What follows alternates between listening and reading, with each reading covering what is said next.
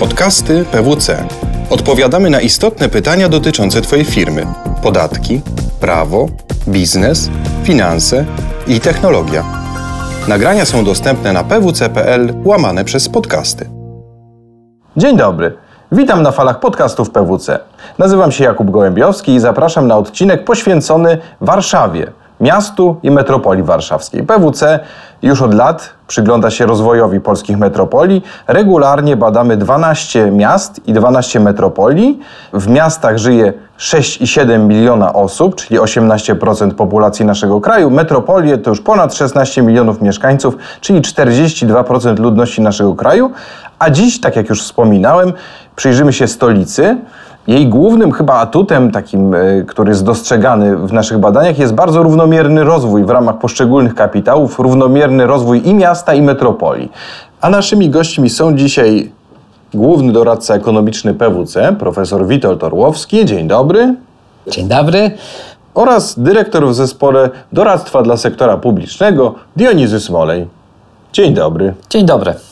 No tak, rzeczywiście o Warszawie z punktu widzenia tego raportu można same prawie że przyjemne rzeczy mówić, to znaczy e, nie ma wątpliwości, że Warszawa ma najlepiej rozwinięte ze wszystkich miast polskich i w sposób najbardziej równomierny te tak zwane kapitały rozwojowe, które mierzymy w badaniu. Badanie bada miasto z różnych punktów widzenia. To nie jest jedna liczba, to jest rzeczywiście przyjrzenie się temu wszystkiemu, na czym opiera rozwój miasta i, i stwierdzenie po pierwsze, czy dobrze są rozwinięte kapitały, a po drugie, czy równomiernie.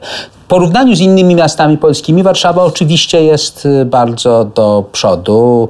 E, właściwie tylko w jednym punkcie kapitału, wizerunku, kultury ma rywala, z którym walczy stale o pierwsze miejsce, to znaczy Kraków i raz jest Warszawa pierwsza, raz Kraków To już pierwszy. rywal historyczny. To już rywal historyczny.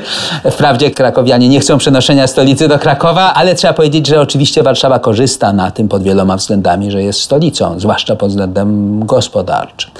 Oczywiście trzeba drobne zastrzeżenie zrobić. Porównywanie Warszawy z innymi polskimi metropoliami może dawać wynik no, nieco przesadnie optymistyczny. Warszawa jest w końcu jedynym takim wielomilionowym miastem w Polsce, jedynym wielkim miastem w Polsce. To już oznacza, że nie da się do końca porównywać z miastami mniejszymi i tak naprawdę to e, po to, że Warszawa czuła, że naprawdę dobrze wypada, no to musiałaby również poczuć się, że lepiej wypada od porównywalnych miast europejskich, zwłaszcza Europy Środkowej, Pragi, Budapesztu, może już Wiednia. No i tutaj oczywiście cały czas sytuacja jest, wszyscy o tym wiemy, gorsza, no bo i historia Warszawy, i historia gospodarcza Polski powoduje, że z różnych powodów e, cały czas jest dużo bardzo pracy do zrobienia po to, że Warszawa się stała atrakcyjnym miejscem, zarówno tak naprawdę na mapie europejskiej atrakcyjnym miejscem, e, zarówno z punktu widzenia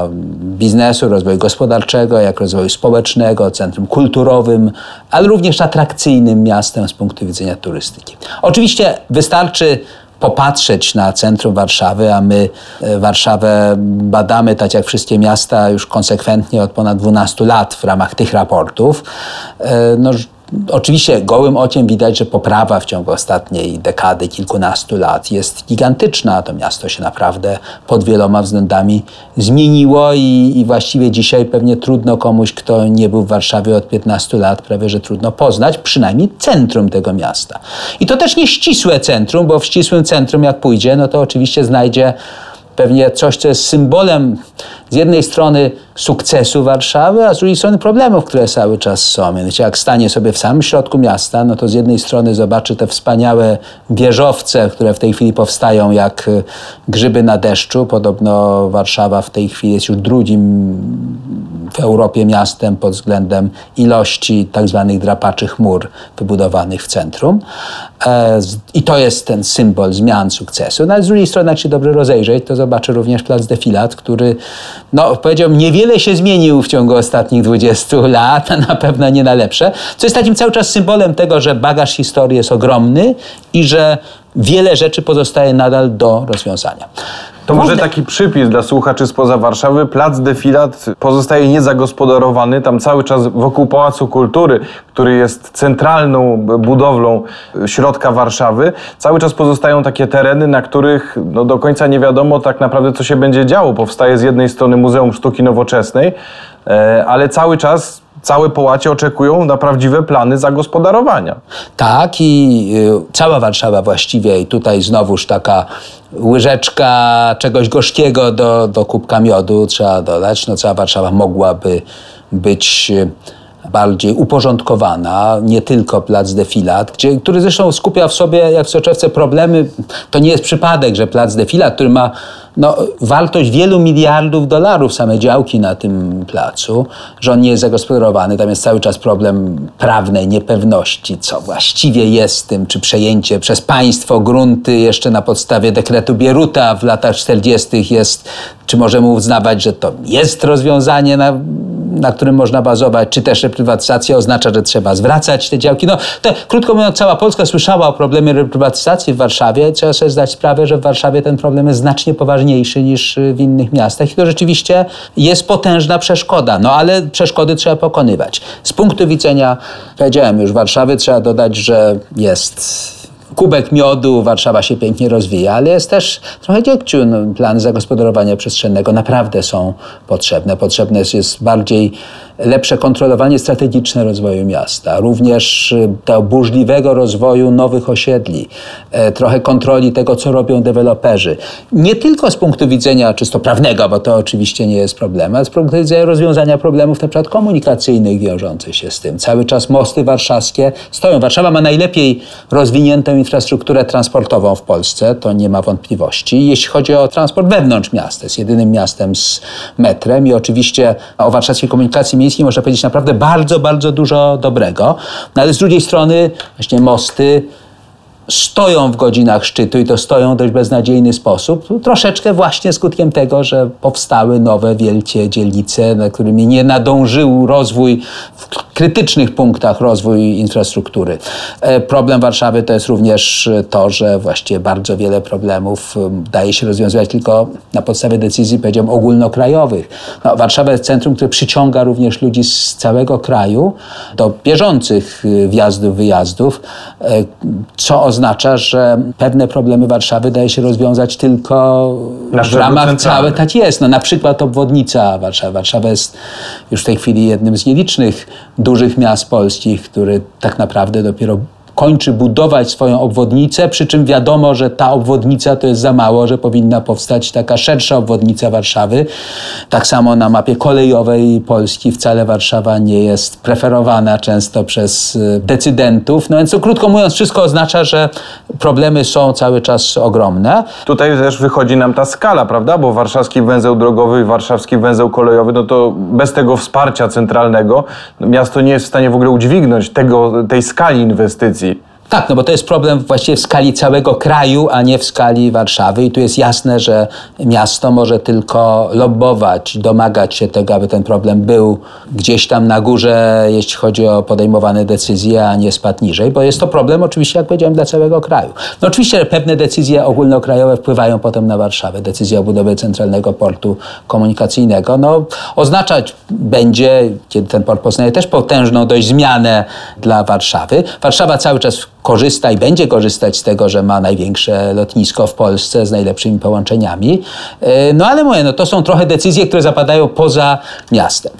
W sumie, jeśli patrzeć na Warszawę, to trzeba powiedzieć tak, największy sukces Warszawy, bazujący na tych wszystkich kapitałach, o których długo by mówić, bo właściwie w każdej dziedzinie Warszawa jest y, albo pierwsza, albo no, w przypadku kultury i wizerunku, jak powiedziałem, walczy o pierwsze miejsce z Krakowem. Na podium w każdym Na podium. Znaczy, na tym, na tym pierwszym miejscu, tylko oba miasta się starają e, zająć, przepychają się na to pierwsze miejsce na podium. Oczywiście, że Warszawa jest przykładem sukcesu gospodarczego. No tutaj nie ma wątpliwości, atrakcyjność inwestycyjna jest największa w Polsce. To jest częściowo no, trochę dar losu, no bo właśnie jak się jest stolicą kraju, gdzie są podejmowane decyzje administracyjne, to kraju na tyle scentralizowanym jak Polska, w naturalny sposób wielkie instytucje biznesowe dążą do tego, żeby mieć swoje siedziby w Warszawie. No i Warszawa oczywiście korzysta, rozwija się bardzo szybko, ma znakomite wyniki gospodarcze. Natomiast y, główna bolączka no to jest to, też dość oczywista rzecz, że jak jest sukces gospodarczy, to bardzo często jednak mimo wszystko trudno jest y, nie mieć negatywnych konsekwencji tego dla, dla jakości życia. No, Warszawa jest jednak, no, według naszych wyliczeń, mimo że w samym centrum miasta nie są miasta, gdzie się gorzej porusza, ale Warszawa w sumie jest najbardziej zatłoczonym miastem w Polsce, jeśli chodzi o ruch miejski. Problemy są bardzo trudne do rozwiązania, no bo e, tu pewnie nie, nie chodzi o to, żeby budować kolejne autostrady przecinające środek miasta. Jest też problem przecież w końcu jakości powietrza. Tu trzeba szukać rozwiązań które określamy głównie mianem inteligentnych rozwiązań typu smart. Y, y, być może w Warszawie w ten czy inny sposób nie będzie innego wyjścia, tylko ograniczyć ruch y, samochodów w samym centrum miasta. Natomiast to powinno być zrekompensowane dalszą poprawą jakości transportu publicznego, który, jak powiedziałem, w Warszawie działa bardzo dobrze, no ale cały czas powinien działać lepiej. Z jakością powietrza, no to oczywiście jest cały czas walka i to nie tylko Warszawa go toczy, ale y, Warszawa jest bardzo aktywna, jeśli chodzi o wspieranie systemów poruszania się innych niż y, samochodami i innych niż y, związanych z emisją spalin. I tutaj trzeba powiedzieć, że miasto robi dużo, ale cały czas bardzo dużo pozostaje do zrobienia. Jest oczywiście problem, jak w całym mieście, dostępności do publicznej opieki zdrowotnej, co jest o tyle problem, że to nie jest decyzja miasta oczywiście. No ale wiadomo, że miasto musi też być bardzo aktywne i, i może coś mimo wszystko w jakiś, na różne sposoby wpływać na to, aby sytuacja uległa poprawie. Także generalnie rzecz biorąc, zalecamy oczywiście korzystanie z rozwiązań inteligentnych typu smart, zalecamy digitalizację.